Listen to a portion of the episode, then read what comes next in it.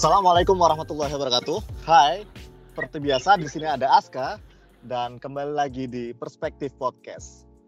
Nah, seperti biasanya di Perspektif Podcast ini kita akan membahas tentang suatu hal dan kita akan mengupasnya dari sisi yang berbeda, dari perspektif yang berbeda. Nah, topik yang akan kita bahas pada pada episode kali ini adalah bagaimana sih cara survive, bagaimana sih kontribusi startup di tengah pandemi coronavirus ini. Dan tentunya seperti ya seperti biasa pula saya nggak sendiri nih. Jadi saya ada temen yang akan menemani kita ngobrol sekitar 30 sampai satu jam ke depan, yaitu ada Mas Fatin Naufal. Halo Mas Bro, Mas Naufal. Halo, halo. Wah, senang sekali dipanggil saya ini. Akhirnya bisa ngobrol lagi kita. Alhamdulillah setelah sekian lama nggak ketemu kan. Gimana kabarnya? Alhamdulillah baik. Alhamdulillah. Nah, uh, sebelum kita bahas tentang topik tadi yang menarik banget itu, aku bakal kenalin nih siapa sih Mas Fatin Noval ini. Mas Fatin Noval ini adalah foundernya dari GiFood dan beliau juga sekarang jadi general manager di Amicom Business Park ya kalau nggak salah. Dan mungkin sebelum kita bercuap-cuap lebih jauh, kan alangkah baiknya kita mengenal nih siapa sih Mas Fatin Noval lebih dalam.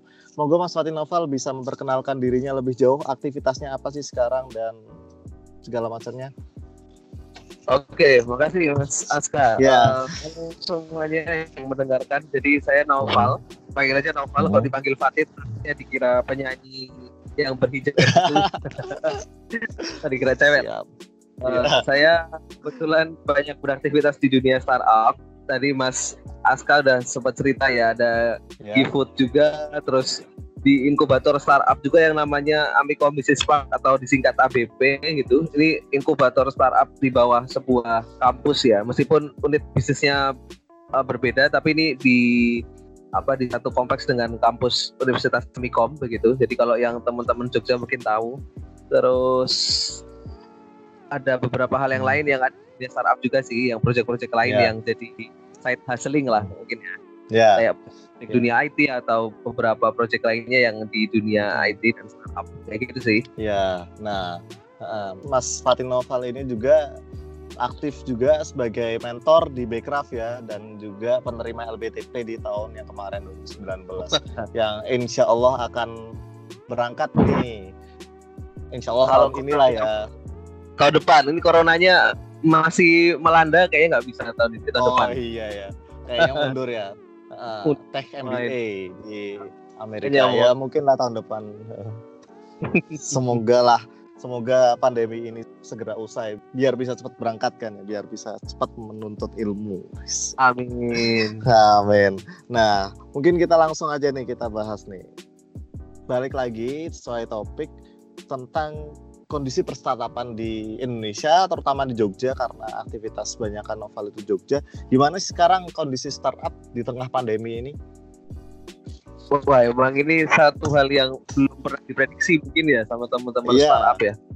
Uh. Emang ini jadi pembelajaran bahwa kondisi dunia itu selalu apa tidak pasti lah ya. Satu-satunya yang yeah. pasti adalah ketidakpastian gitu ya. Jadi kita harus yeah. tuh kita harus selalu siap sih dengan kondisi yang ada yeah. begitu. Jadi pembelajaran buat para pelaku startup mau gimana pun kondisinya kita harus punya mode jaga-jaga gitu, mode apa yeah. namanya uh, punya saving yang cukup, terus punya hmm. strategi-strategi untuk menghadapi hal-hal yang tidak terduga. Di satu sisinya itu sih mungkin jadi hmm, pembelajaran. Hmm, yeah. Uh, kalau lihat startup sekarang sendiri emang ya akhirnya pada begitu tuh yang seperti teman-teman lihat juga gitu. banyak yang akhirnya uh, berhenti untuk sementara waktu karena benar-benar marketnya udah nggak bisa diharapkan begitu ya terus hmm. ada yang sampai harus rela memotong gajinya bahkan ada yang harus memutar apa balikkan lagi strategi-strategi yang ada begitu jadi eh, sekarang kondisinya emang serba apa ya serba rumit gitu hmm. untuk para berarti mengubah mengubah bisnis modelnya bisa jadi ya betul betul. Bahkan nggak sedikit juga akhirnya yang mulai banting setir juga untuk bisa menghidupi apa namanya startup yang masing-masing.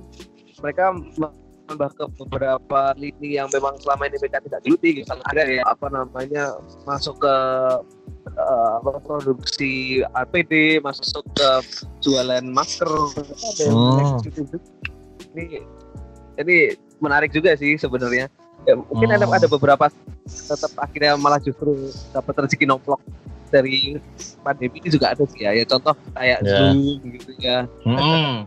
sampai, yeah. sampai jadi gitu atau beberapa startup yang memang justru di kondisi kita harus tetap di rumah ini justru malah jadi banyak digunakan gitu ya. Ya hmm. contoh online learning kayak apa namanya hmm. e-commerce atau apa namanya uh, ojek online itu kan sebenarnya hmm. meskipun mereka berkurang secara jumlahnya ya ojek online tapi kan sebenarnya uh, apa ya mereka semakin semakin dibutuhkan nih kondisi yeah. seperti ini. Hmm. Begitu sih. Apalagi yang di dunia semua makin lagi tuh makin banyak ah, dibutuhkan. Iya, iya, iya. Jadi artinya impactnya besar banget ya? Iya betul. Hmm. Ya emang sih. Apa namanya kemarin juga sempat dengar kan ada perusahaan-perusahaan konveksi yang biasa apa produksi pakaian, jeans segala macam akhirnya mereka banting setir produksi masker karena satu mungkin uh, dibutuhkan di masyarakat. Terus yang kedua mereka nggak laku kalau misalnya bikin produk-produk yang sebelumnya kan. Mereka betul, harus betul. tetap bisa gaji sama nah, itu sih. Emang ya begitulah begitulah sisi dari dunia startup dan dunia bisnis ya ya ini jadi challenge sih ya buat teman-teman pelaku bisnis dan startup untuk punya hmm. kreativitas yang di luar itu ya. Beberapa bulan hmm. cukup kreatif aku lihat sih kayak misalkan hmm. kita lihat uh, mungkin bisnis apa perhotelan atau uh, tempat menginap gitu ya. Akomodasi yeah. itu kan sebenarnya kan terdampak sekali ya karena yeah. ada yang nggak ada yang nginap di tempat uh, luar ya, mesti pada nginap di rumahnya masing-masing dan hmm. sebagainya. Nah, mereka juga nggak habis akal gitu untuk bikin sebuah bisnis model yang menarik. Terakhir saya dapat info katanya di yeah. Jogja sih ya ini kayaknya juga diterapkan di beberapa daerah yang lain mereka bikin ini uh, paket khusus untuk uh, isolasi jadi paket kalau mis uh, jadi kalau misalkan apa ada orang yang bingung untuk isolasi dirinya gimana begitu ya hmm. kalau ke kampung rumah takut menular yang lain atau mungkin uh, ada beberapa pihak yang masih khawatir ketika dia harus ke sana begitu dan tempat-tempat di rumah sakit juga mungkin beberapa sudah mulai penuh. Iya, iya, iya. Jadi paket yeah. 14 hari uh, dengan uh, protokol penanganan COVID-19 yeah. Dan dengan yang lebih Jadi misalkan biasanya per hari itu bayar berapa, ini 14 hari cukup bayar berapa begitu untuk hotelnya. Oh. Jadi hotel tetap bisa dengan cara yeah. itu tuh menarik saya. Yeah. Jadi menarik, menarik contoh contoh perusahaan-perusahahan pada mulai mencari cara-cara seperti ini sih. Gitu. Ya alhamdulillah sekarang yeah. pemerintah juga mulai bersama dengan hotel juga ya kemarin hmm, yeah. kayak di Jakarta, nah. Barat mereka bikin hmm. apa paket khusus untuk para tenaga medis ya. Dapat, yeah, tenaga medis. Uh, mm, dapat uh, apa ya sebuah apresiasi lah dari yeah. pemerintah bisa istirahat dengan nyaman di hotel yeah. berkelas. Jadi uh. ya itu mungkin salah satu cara hotel untuk bisa dapat pemasukan juga ya. Yeah. Lihat kondisi ya. yang seperti itu.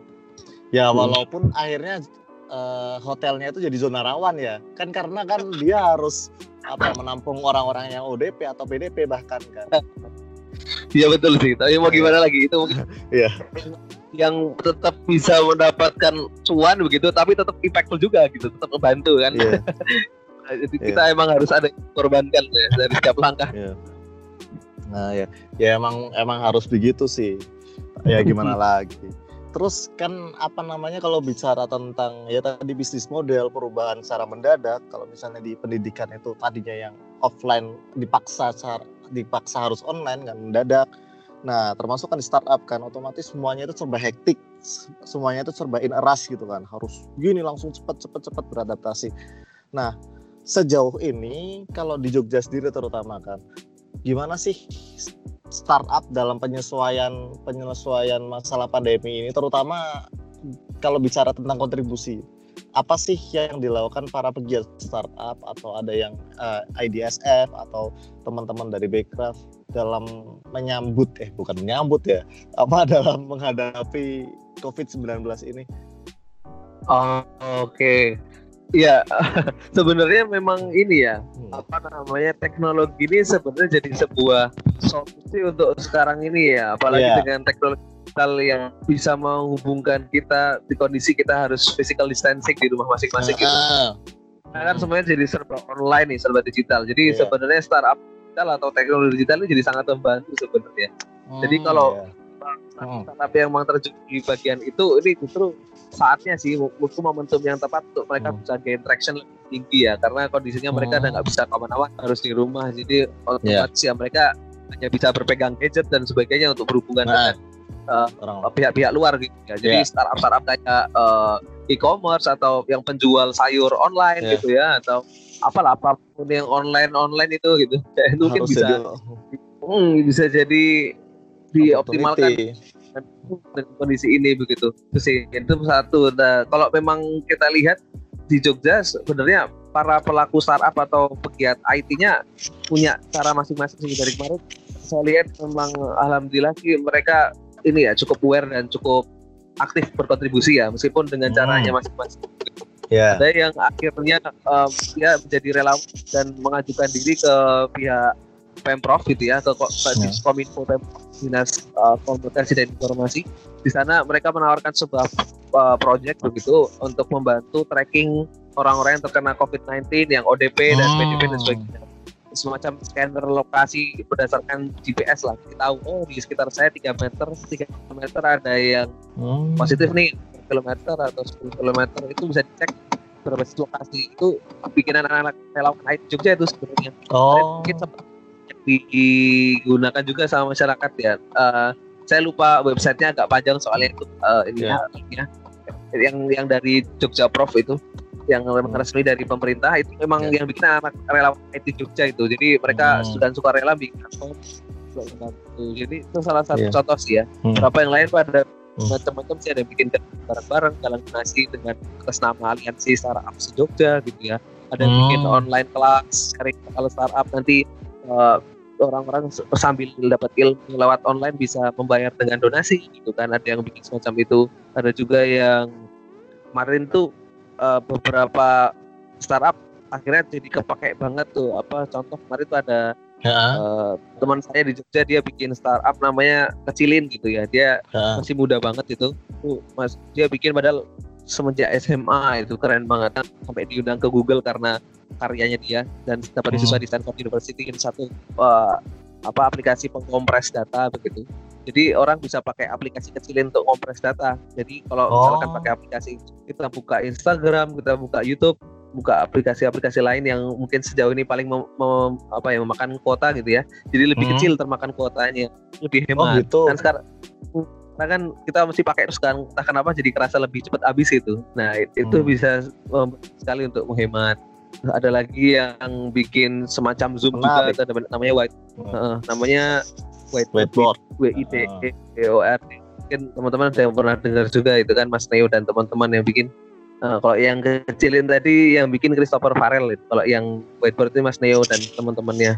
Itu mereka orang-orang di Jogja yang akhirnya ini uh, bikin solusi-solusi yang mereka bisa bikin. Nah, whiteboard ini kan juga salah satu yang bikin untuk aplikasi juga. Jadi semacam Zoom semacam WhatsApp sama Slack jadi satu aplikasi untuk bantu oh. uh, kita berkomunikasi pada Indonesia sendiri. Jadi ini contoh-contoh sih yang dibikin sama pemuda uh, Jogja untuk membantu kondisi sekarang ini. Itu sih. Hmm. tapi itu udah pada lo uh, officially launch ya? Maksudnya kayak whiteboard tadi kecilin. Bisa dipakai itu. Udah, bisa, udah, saya juga pakai. Hmm. ya gitu. Dan banyak yang lain yang mungkin yang belum saya sempat sebut. Ya banyak banget uh, hmm. ada startup yang pada bikin penyeb apa peta yeah. penyebar juga ada yang bikin apa dan semua bahkan sampai di di recognize sama beberapa media luar negeri juga. Hmm, menarik. Uh, sampai nah. akhirnya GitHub-nya itu dipakai. Apa sih namanya codingannya itu di di, di share secara gratis sama teman-teman biar dipakai sama uh, daerah lain yang membutuhkan. Akhirnya ada hmm. di mana pakai sistem yang sama yang dibikin di Jogja gitu ya di sertifikasi untuk hmm. kondisi daerah yang kita masing-masing bahkan terakhir katanya Afrika Selatan mau pakai juga gitu. Afrika Selatan iya uh, jadi ini luar biasa sih aku pikir ini karya hmm. apa lokal gitu ya terpakai yeah. untuk berbagai daerah dan bisa hmm. bermanfaat gitu sih Ya, art artinya sebenarnya impactnya besar banget ya kalau memang benar-benar dimaksimalkan dan digunakan sesuai dengan ya porsi dan tempatnya. Betul betul. Mungkin ini kayaknya sa nyambung sama teori kalau kepepet itu bisa maksimal kayaknya. kan kayaknya kepepet banget deh gitu kan. Idenya yeah. keluar muncul semuanya terjadi semuanya. Secara mm. kan dalam waktu singkat kan bisa dikatakan kan. Iya. Yeah. Momentumnya ya. Momentumnya. Mm. Nah, soalnya kayak misalnya aku juga baca kan misalnya kayak di apa namanya websitenya plug and play plug and play uh, ada banyak startup startup yang di luar negeri sana yang ya melakukan inisiasi entah membuat aplikasi membuat device atau segala macam yang yang langsung direct gitu loh menyelesaikan apa membantu penyelesaian masalah pandemi ini. Ada yang namanya Genome perusahaan dia bikin kayak semacam device untuk pendeteksi COVID-19 tapi menggunakan smartphone gitu. Jadi pakainya kayak sidik jari Oh, ah, ya eh bukan apa ya pokoknya menempelkan jari tangan aja. Mungkin diambil darahnya mungkin ya dari sana atau gimana. Dalam waktu 15 menit katanya bisa mendeteksi oh dia terinfeksi apa enggak. Ya semacam rapid test tapi menggunakan device smartphone gitu. Ada juga yang hard uh, ada yang Healthbit namanya. Dia platform remote viral monitoring platform di mana dia mengkolek data tapi secara global. Nah tadi sih kayak sama yang kayak tadi uh, online tracking kayak gitu. Tapi hmm. uh, tapi yang dia digunakan apa ya? Ada satu platform yang emang dijangkau bisa dijangkau sama semua orang. Jadi bukan bukan berafiliasi sama pemprov tertentu atau government tertentu. Itu ada yang startup itu kalau nggak salah dari USA apa ya? Ada yang Sonovia, ada yang Sonovia itu dia bikin uh, perusahaan dia bikin sebuah bahan tekstil yang mana kayak ada ada mikroba khusus di bahan tekstil tersebut yang bisa membunuh patogen-patogennya COVID-19 gitu loh. Jadi kalau misalnya oh, ada virus yang nempel langsung otomatis dihancurkan. Nah, dan segala macamnya kayak oh ternyata banyak banget loh orang-orang yang kayak merespon dengan begitu cepat bikin teknologi ini, teknologi itu segala macam. Nggak nggak nggak cuman aplikasi aja gitu. Sampai sampai bentuk device-nya pun mereka bikin. Nah, itu sih yang menarik. Nah, ada juga kayak kan kalau bilang uh, bicara tentang plug and play kan di mereka kan uh, inkubator, ada juga yang venture capital segala macam yang emang ya mendorong secara khusus agar para startup itu berinovasi khususnya untuk membantu pen, uh, penyelesaian pandemi corona ini. Nah, kemarin kalau nggak salah ada startup weekend ya yang mau bahas tentang pandai tentang corona juga ya Val. Hmm, iya, mereka mau bikin tema COVID-19. Biasanya kan mereka hmm. offline tuh, sekarang mau dibikin online dan temanya COVID-19. Oh. Hmm. Hmm. Terus kalau hackathon kayak gitu berarti kan jalannya gimana dong? Kalau apa namanya ya itu inkubator dan lain sebagainya, mereka jarak jauh online kayak gitu. Kalau sistemnya mungkin mereka lebih paham ya gimana, tapi kan hmm. sebenarnya emang kalau kita hmm. memungkinkan ya karena kan uh, banyak hmm. interaksi dengan lab dan internet juga hmm. sebenarnya ketika ngerjain hackathon juga ujung-ujungnya mereka tetap tetap butuh internet gitu. Jadi hmm. mau lokasi mana pun asal ada internet kan bisa melakukan hal yang sama ketika hackathon secara offline. Jadi aku pikir hmm. itu ide bagus juga sih. Ide di rumah masing-masing hmm. mereka pada bikin karya untuk bikin inovasi hmm. gitu ya. Dan sebenarnya banyak banget kok yang apa namanya mengadakan juga yang apa support untuk teknologi-teknologi inovasi semacam ini ya untuk penanganan hmm. COVID. Kayak Respect kemarin juga bikin kan kompetisi itu uh, oh, Ideaton. Ideaton ya berapa puluh juta gitu hadiahnya gitu kan. Oh. Terus ada beberapa pihak lain yang saya ngelihat lebih lebih dari banyak banget lah yang bikin tuh dari pemerintah, hmm. dari pihak uh, swasta, dari hmm. luar negeri yang yang akses ke Indonesia dia bikin juga gitu. Jadi pada hmm. pada bikin apa semacam itu nih menurut saya hal yang bagus sih ya. Jadi mendorong teman-teman hmm. untuk berinovasi. Jadi nggak terus rebahan doang tapi memberi apa rebahan memberi perubahan gitu Iya. Yeah. Samping di rumah gitu kan. Dan uh, hmm. biasanya ini malah jadi peluang untuk ke mana-mana sih gitu ya. Siapa tahu gara-gara bikin inovasi ini, ini menjadi sebuah yeah. startup yang sustainable setelah hmm, corona. Iya, iya, iya. Nah, kalau kalau kalau dari apa namanya tempatmu sendiri Val, maksudnya kayak startup startup yang kamu bintang, misalnya ada GoFood dan lain-lain atau dari ABP sendiri, ada inovasi apa yang ikut masuk mengangkat isu pandemi ini? Hmm, kalau GoFood sih kita lagi kerja sama sama Basnas DKI kalau yang sekarang ya. Uh, mm. DKI Jakarta sama Pemprov juga disupport sama Pemprov dan kerjasama mm. dengan beberapa pihak. Ini terakhir ini katanya rencananya mau dengan salah satu startup juga di Jakarta, tapi karena memang mungkin masih perlu fiksasi jadi kayaknya belum bisa tak sebutkan di sini. Nah. Jadi intinya ada beberapa pihak ini sudah oke okay untuk apa kerjasama dan kita bikin ini program yang sebenarnya kita sudah inisiasi semenjak sebelum COVID-19 sih. Jadi ini namanya bagi piring. Mm. IT juga, digital juga yang yang dibikin sama kita dari Tikut uh, yang kita kolaborasikan dengan tadi ya, Pak. Jadi ini sebenarnya akhirnya punyanya Basnas tapi kita yang bikin segala sistem informasi. Oh ya. Yeah. Uh, jadi ini membuat orang bisa donasi terus nanti apa kita memberdayakan para UMKM atau warung di Jakarta, warung makan, warteg dan sebagainya. Nanti pihak wartegnya bisa menyalurkan uangnya tadi untuk memberi makan kepada pihak-pihak yang butuhkan di sekitar mereka. Jadi semacam membantu memberi makan lah, berbagi uh, porsi makanan kepada sesama hmm. gitu. Uh, dan dibagikan pihak-pihak yang membutuhkan makan sejauh ini ya masyarakat prasejahtera, lansia dan sebagainya. Hmm Nah, makanya semenjak ada COVID-19 ini, ini semakin dibutuhkan juga. Jauh ini kita kan udah oh. kerjasama dengan lebih dari 80 mitra warung ya. Udah hmm. lebih dari 1.500 sampai 300 penerima manfaat total di Jakarta gitu. Nah, hmm. semenjak adanya COVID-19 kan kita terasa banget itu karena mereka udah hmm. lebih sering penghasilannya, untuk makan aja mungkin mereka susah gitu kan. Nah, UMKM juga makin sedikit yang beli karena pada nggak bisa keluar rumah. Nah dengan program ini sebenarnya ini membantu sekali karena UMKM terutama yang makanan bisa terbantu terbeli dengan donasi yang masuk di kita disalurkan ke hmm. mereka terus uh, selain mereka UMKM ini bisa apa dapat penghasilan lewat donasi ya karena porsinya porsi makanan mereka dibeli mereka juga bisa memberikan makan pada orang yang butuhkan jadi orang-orang yang hmm. selama ini nggak bisa apa survive kondisi corona ini gitu ya susahan nah bisa dapat makan dari program ini gitu sih. Jadi hmm. ini um, ini yang kita bikin sih kalau dari Kikut itu salah satunya.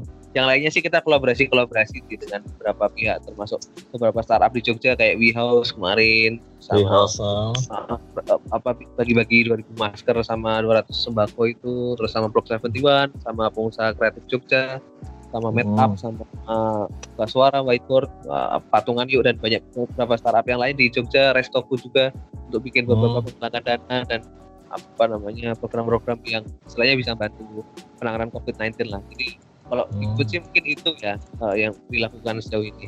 Hmm. Nah kalau dari respon masyarakat sendiri dari inisiasi-inisiasi tadi, maksudnya kayak yang di Jogja atau termasuk yang di Jakarta gitu, maksudnya Sebenarnya, kayak partisipasinya masyarakat gimana? Oh iya iya iya menarik sih. Hmm. Sebenarnya mereka tentu merasa terbantu ya dengan program-program semacam hmm. ini ya. Cuman kalau yang di Jogja ini kan sebenarnya kita masih proses penggalangannya belum belum oh belum selesai. selesai.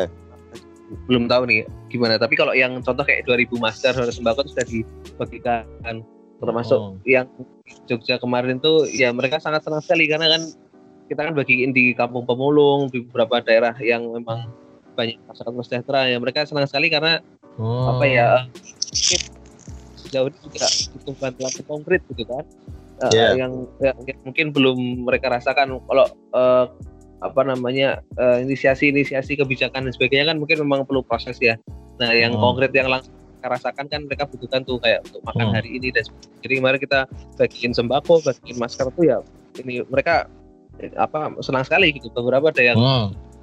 ya saya makasih banget gitu ya karena mungkin oh plus kita harus gimana yeah. akhirnya ya, ya ya alhamdulillah sih cukup senang bisa membantu dan hmm. saya yakin Indonesia ini sebagai negara yang paling dermawan di dunia ya. Iya, paling dermawan. Nah, soal penggalangan dana, soal volunteering, wah Indonesia jagonya lah. Kita untuk dapat apa pemasukan uh, donasi dan sebagainya itu mudah lah. Jadi saya yakin sih harusnya bisa banyak yang terbantu nih dengan peran-peran orang-orang Indonesia yang luar biasa dermawan ini gitu sih. Hmm. Jadi, jadi yang tak sampaikan itu hanya satu langkah kecil. Saya yakin teman-teman yang lain yang ada di Indonesia bisa sama-sama bikin yang lebih besar lagi sih. Hmm, ya ya ya. Berarti kalau misalnya pembagiannya kayak tadi itu uh, dari kaliannya sendiri yang datang ke objeknya adalah arti kalau sembako yang nganterin, kalau masker ya datengin segala macam. Iya. kita akhirnya datangnya sih. Meskipun kita tetap kerja sama juga sih nggak semua kita semua. Kita kan hmm. bagi juga ke beberapa komunitas ke beberapa orang yang di beberapa meskipun kita tetap minta fotonya untuk bukti gitu ya. Kemarin kita kerjasama juga dengan pihak apa RT dan komunitas yang mereka fotoin juga ya sebagai bukti lah. Takutnya kita ada ngasih banyak masker misalkan contoh. Terus dijual lagi sama mereka kan repot juga itu. Yeah. jadi kita uh, jadi kita uh, minta bukti foto juga gitu sih. Jadi rame-rame sih. Kalau sendirian kayaknya susah juga geraknya. Hmm. kalau rame hmm. lebih oh iya iya iya. Benar-benar sih. Nah terus bicara kayak startup tadi kan sempat di awal itu nyinggung masalah zoom. Zoom itu kan mereka kan nggak siap kan apa namanya karena nggak memprediksi bahwa se tinggi ini tractionnya kan. Maksudnya uh, penggunanya se sebesar ini. Mereka nggak nggak siap. Nah akhirnya bobol lah kebobolan kan masalah security-nya kayak gitu. Betul. nah mm, dan juga kalau bicara tentang zoom kan dia itu erat dengan namanya changing new habit. The new normal lah kalau istilahnya di luar masyarakat itu. Yeah, yeah. Uh, menurutmu gimana sih pendapat pribadimu sendiri dengan the new normal ini orang-orang itu harus beralih dengan apa ya untuk membiasakan online semuanya serba online dan ya itu pasarnya startup banget kan ya pertama memang ini sini menarik ketika fenomena zoom ini justru ternyata ini ya sempat beberapa kali kecolongan yeah. kemarin bantu yeah. kan kebetulan saya juga bantu di dinas koperasi dan UMKM DIY kan hmm. untuk program penanganan apa UMKM itu kan nah, kemarin itu ada satu momen di mana ada seminar online yang isi dari Kementerian Koperasi dan UMKM. Nah itu tuh kemasukan, kemasukan, kemasukan apa nama, kemasukan apa hacker apa sih namanya yang yang mengganggu gitu loh, kayak yeah. ngecat aneh-aneh banyak banget terus sempet Waduh, bikin kacau hmm. ini, bikin kacau zoomnya. Gara-gara aku masuk ini ya, itu ada aku ada screenshotnya itu. Dia bilang aneh-aneh di chat itu kan, rame banget di zoomnya itu gara-gara pemberontak itu gitu. Nah, itu ini sebenarnya jadi hal yang menarik sih karena uh, di satu sisi ketika kita memang dapat momentum yang tepat untuk akhirnya banyak banget yang menggunakan itu bagus ya. Yeah. Tapi satu sisi kalau hmm. nggak siap repot juga gitu ya. Sama kalau ini ini memang perlu keseimbangan sih antara marketing dan hmm. kesiapan internal itu ya. Kalau di yeah. bisnis nasional mungkin yang sering ngalamin kalau kita uh, nge-marketinginnya masif gitu ya viral tapi produksi kita belum siap kita juga yang repot gitu ya. Tapi kalau kita hmm. Banyak gitu udah supply banyak terus marketingnya ternyata nggak berhasil sedikit gitu kan yeah. akhirnya kita juga repot juga gitu harus yeah. kalau lebih jadi ini harus seimbang itu jumlah produk yang yeah. dimarketingkan gitu uh, jadi mungkin terjadi di zoom ya yeah. untuk yang gitu kalau aku sih belum uh, belum pernah ngalamin sih aku ya bisnismu selalu ini ya seimbang ya jumlah yang diproduksi selalu habis semua ya. Ya enggak sih maksudnya aku pas pakai zoom belum pernah ngalamin kayak gitu gitu loh. Kira ya, ya, itu bukan tidak mengakui ya itu bang ini jadi jarang sih. Beberapa orang sampai akhirnya nggak mau pakai zoom gara-gara kasus-kasus kayak gitu. Jadi ini, ini cukup menarik sih. Akhirnya kan jadi ini ya the new normal tadi yang kamu hmm. bilang ya. Uh, ini ini juga satu hal yang ini jadi hal yang tahap juga setelah pasca covid ini ya hmm. karena orang-orang jadi terbiasa dengan model seperti ini kan positifnya sih orang-orang jadi belajar ya jadi ngerti cara makainya seperti ini gimana dulu kan beberapa misalkan jadi kampus beberapa dosen itu kan agak kesusahan apalagi yang senior senior yeah. ya untuk bisa uh. berinovasi dengan teknologi yang ada gitu untuk mengoptimalkan pembelajaran mereka nah dengan ini kan mereka terpaksa harus belajar jadi ini satu hal yang positif ya jadi masyarakat yeah. jadi mulai terbiasa dan mulai belajar yeah. menggunakan teknologi online kayak gini jadi ke depan kita lebih mudah lah kalau mau ada yeah. hal, kayak gini Enggak, terutama sih yang diuntungkan banyak sih startup sebenarnya untuk pasca pandemi. Bisa jadi ya. Ini kita masih spekulasi sih ya ini ke depan akan. Ya, ini selesainya kapan aja masih spekulatif loh. Masih datanya uh. masih macam-macam prediksinya kan menurut ahli ini hmm, sampai ini yeah. menurut ahli ini sampai ini jadi emang yeah. belum ada yang begitu pasti gitu. Mm, yeah. uh, jadi new normalnya besok setelah covid juga kita nggak tahu yang pasti seperti apa sebenarnya uh. kondisi yang serba tidak kayak sekarang gitu sih nah bisa jadi apakah kita akhirnya melihat bahwa pakai online bisa lebih efektif kenapa nggak besok kita online aja terus ya meskipun pandemi kan tahu bisa jadi ketimbang hmm. aku di kantor kayak malah nggak produktif misalkan menghabiskan waktu di jalan mudik di rumah aja malah tetap yeah. bisa menghasilkan lebih banyak tapi siapa tahu ada yang bilang kayak gitu ya nggak tahu yeah. juga ini jadi yeah. Jadi ini menarik sih. Kita nantikan yeah. apa yang akan terjadi. Iya. Nah makanya kayak misalnya ibuku apa orang tua aku nih orang tua aku kan dosen dosen di Pekalongan. Oh, ya, oh, ya kan nam namanya namanya dosen dan terbilang udah cukup tua kan, kan nggak begitu tahu lah masalah teknologi segala macam. Kan akhirnya gara-gara ini kan tahu lah namanya ada Google Classroom atau ada namanya Zoom dan segala macam. Terus akhirnya ya kepikiran gini, oh bisa ya berarti ya kalau misalnya orang tua aku nggak masuk ya udah online aja misalnya sempatnya jam 8 ya jam 8 malam atau apa gitu. Uh, ya, makanya ya, jadi solusi nggak nggak perlu takut apa namanya nggak ada kelas nih mau bikin kelas ya. tapi nggak nggak ada atau segala macam akhirnya ada ada solusi solusi yang baru gitu betul sih memang nah, meskipun ada beberapa kelemahan yang bisa jadi diakali sama mahasiswa ya kemarin kan ya. beberapa uh, video di sosmed kan lucu-lucu juga tuh yang dia uh. naruhin tanya dia di layar laptop hmm. gitu kan uh. kelihatan dia hadir padahal sebenarnya dia tidur gitu dia cuma di layar gitu gitu-gitu kan itu mungkin jadi hal yang iya harus sih. dipikirkan itu yeah. menarik sih ya itu sih emang emang banyak masih tetap masih banyak celahnya kan cuma numpang absen doang atau apa kayak gitu kan. Nah, tapi yang masih aku jadi pertanyaan adalah kalau masa-masa kayak gini startup masih bakar-bakar uang nggak ya? Wah, saya menarik. Um, kayaknya tergantung startupnya ya dan akhirnya startup sendiri yang menentukan. Kalau memang akhirnya dia ngerasa ini momentum ya, misalkan wah kemarin kan beberapa, aku nggak tahu ini disebut bakar uang atau enggak, tapi beberapa online course atau sekolah yeah. ya yeah. kan dia bikin gratis ya gratis gitu itu kan sebenarnya juga bisa dibilang bakar uang juga karena yeah. dia uh, melepaskan biaya itu untuk gratis hmm. uh, apa apa jasanya ya jadi hmm. bisa jadi itu bakar uang juga tapi uh, mungkin bisa jadi ada yang akhirnya benar-benar menghitung banget soal keuangannya cash flow-nya dijaga banget karena dengan kondisi seperti ini makin rumit kondisinya akhirnya menahan diri untuk bakar uang lebih fokus untuk hmm. apa menjaga cash flow-nya tetap aman ada juga gitu jadi yeah. kayaknya jawaban ini akan relatif gitu ya tergantung yeah. startupnya masing-masing yeah, sih tergantung kondisi finansial startup masing-masing iya yeah, betul iya iya sih emang opportunity-nya itu. Cuman kan ada opportunity lain mungkin kayak ya momen lah ini kita mendapatkan user sebanyak-banyaknya. Mereka uh, data itu bisa jadi big data yang kita bisa pergunakan di waktu yang akan datang. Bisa aja ada yang ada yang kepikiran seperti itu juga kan ya startup ya. Kita bisa collect sebanyak-banyaknya data Mm-hmm.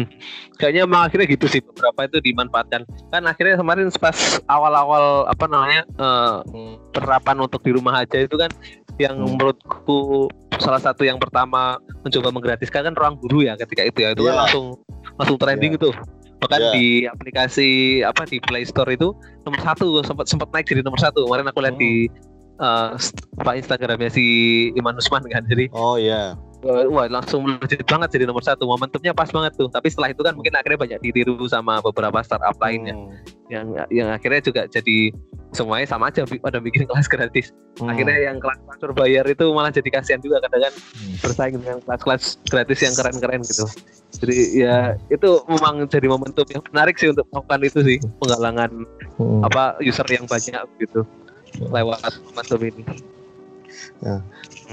Nah kan itu sih ya emang dilihat emang ada startup-startup yang akhirnya trennya naik gara-gara momennya pas banget tapi ada juga startup-startup yang emang turun kan trennya kan gara-gara emang pak bukan pasarnya malah. Nah. Betul. Bahkan memang kalau kata aku lihat di TEDx ya aku lupa judulnya apa cuman itu ya salah satu uh, beberapa faktor yang membuat startup itu berhasil atau gagal nomor satunya itu justru malah timing. Jadi bukan soal produknya bagus atau enggak bukan soal foundernya gimana tapi soal timing ternyata. Jadi soal timing. Aku itu di di YouTube kayaknya antara salah satu yang banyak viewersnya deh itu TEDx yang hmm. bagian ini. Jadi nomor satunya itu yang di faktor apa pe, penentu apakah startup ini berhasil atau gagal itu timingnya itu penempatan waktu atau momentum gitu hmm. dan ini terjadi kan kondisi pandemi sekarang hmm, lagi-lagi yeah. timing jadi kunci bahkan saya hmm. jadi ingat dulu itu saya punya kakak tingkat di UI dia tuh bikin hmm. ini bikin aplikasi semacam Gojek bahkan hmm. lebih dulu dengan Gojek berapa uh, berapa lebih cepat berapa tahun apa ya kalau nggak salah dan dia itu aplikasinya bahkan sudah lebih advance dibandingkan Gojek pada saat di awal-awal Gojek ada gitu. Jadi -hmm. sudah keren uh, lebih awal lagi gitu kan. Dan yang bikin tuh memang orang aku tahu dia orang pintar dia mau press juga di UI ya, dan kondisinya malah justru ketika itu tidak berhasil gitu ya. Nah malah berapa hmm. kemudian ketika Gojek meluncur malah lebih berhasil bahkan jadi unicorn ya. Bahkan oh. jadi dibentuk juga foundernya. Nah ini kan sebenarnya masalah timing. Gojek masuk oh. di kondisi masyarakat sudah lebih banyak yang pakai smartphone dan lebih terbiasa dengan menggunakan aplikasi gitu kan. Sedangkan yang sebelumnya tadi yang kakak tingkat saya anak UI tadi mungkin memang momentumnya nggak pas tuh. Pas dia meluncur meskipun oh. pertama orang-orangnya belum terbiasa dengan menggunakan itu. Jadi akhirnya gagal juga gitu. Jadi timingnya empat itu jadi satu hal yang penting banget sih memang. Nah ini hmm. contoh. Sekarang ini contoh nih untuk menempatkan timing. Kita bisa ngomong optimal kan enggak gitu. Hmm.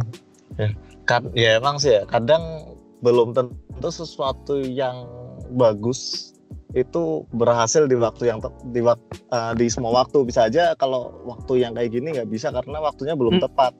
Iya betul. Betul banget. Kalau menurutmu sendiri Val kalau waktu-waktu sekarang ini timing yang paling tepat apa sih buat per startupan waduh. Nah, inisiasi yang paling tepat kalau menurutmu sendiri sekarang sih sebenarnya kalau dilihat karena apa ya serba harus di rumah dan sebagainya hmm. dan isunya isu kesehatan gitu kan kayaknya memang akhirnya yang menjadi banyak di apa namanya dibutuhkan yang paling besar marketnya ya yang di isu-isu tadi is, uh, yang bisa banyak ya, isu kesehatan terus kemudian produk-produk yang ke arah apa namanya bahan pokok kan juga jadi banyak digunakan banyak banyak dibutuhkan tuh. Terus apalagi ya soal edukasi secara online ya. Uh, itu juga jadi jadi satu hal yang mungkin banyak banyak marketnya untuk kondisi saat ini. Terus hmm. mungkin selain tadi apa aja tadi? Kesehatan makan kesehatan. pokok makanan uh, apa tadi uh, online ya? Online course? Ya online. Ya online course. Uh, oh ini mungkin e-commerce juga itu juga pasti yeah. akan naik ya. Uh, yeah. Bahkan bahkan apa pun yang online sekarang juga bisa jadi satu hal yang lagi naik juga nih kebutuhannya oh. saya yeah. uh, kultur ya mungkin juga iyalah kemarin ini saya sama istri habis ini mencoba bikin apa sih namanya ngebun dari rumah itu loh harus pakai pot itu hmm, jadi, mantap jadi itu itu kayaknya juga lagi menarik ini sekarang nih hmm. ketika kita suplainya lagi banyak dibutuhkan yeah. kan yeah. Nanti pas selesai pandemi kan udah jadi kebun besar gitu ya. Ya siapa tahu ya. Siapa tahu kan amin semoga aja kan. kena virus ya. Ya amin lah ya biar kita bisa mandiri secara ekonomi jadi kita produksi dan konsumsi dari kita sendiri. Nah, nah emang sih jadi kalau misalnya bicara startup uh, yang paling kerasa adalah kota-kota besar kayak misalnya Jakarta termasuk kayak Jogja segala macam. Nah kalau misalnya bicara kayak di Pekalongan nih, Pekalongan kebetulan sih ya nggak masih belum terlalu banyak uh, aksesnya. Kalau di kotanya sih sudah lumayan, cuman kan pokot Pekalongan itu kan ada kota pinggirannya juga kan yang bisa dikatakan dekat gunung, dekat gunung segala macam. Nah, uh, uh, kayak misalnya Gojek dan segala macamnya pun itu masih sangat minim. Jadi oh, kayak ya. Jadi akhirnya kayak misalnya kebutuhan untuk belanja segala macam mereka tetap harus keluar akhirnya. Oh, wah ini fakta menarik nah, ini. Nah, kan maksudnya kalau oke okay lah kalau misalnya kita bicara di kota kan sinyal gampang, akses mudah gitu kan. Nah itu kan biasa kan. Kalau di desa itu yang masih jadi problem sih, yang ya mungkin kadang pemerintah kadang apa ya luput juga luput juga terhadap hal itu karena kan yang dilihat kan wah faktanya seperti apa kelihatan di lapangan seperti apa cuman kan yang ke expose kan selalu yang di kota kan yang di kabupaten jarang Nah itu di Pekalongan soalnya begitu. Ya ya serba susah sih serba susah jadinya. Makanya kemarin ada inisiasi seperti ini. Kayak kalau nggak salah di Malang atau di Jember, uh, pedagang pasarnya itu yang menawari uh, silakan kalau misalnya mau beli belanjaan saya bahan pokok itu harganya sekian sekian sekian kalau misalnya butuh hubungi aja nomor ini nanti saya antar ke rumah jadi dia nggak jualan di pasar tapi tapi inisiasi dia sendiri Oh, ngerti ngerti ngerti. Hmm. Ya, benar.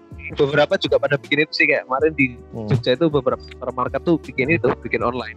Kayak Mirota, hmm. Pamela, terus Super Indo itu pada bikin. Sorry nyebut merek ya.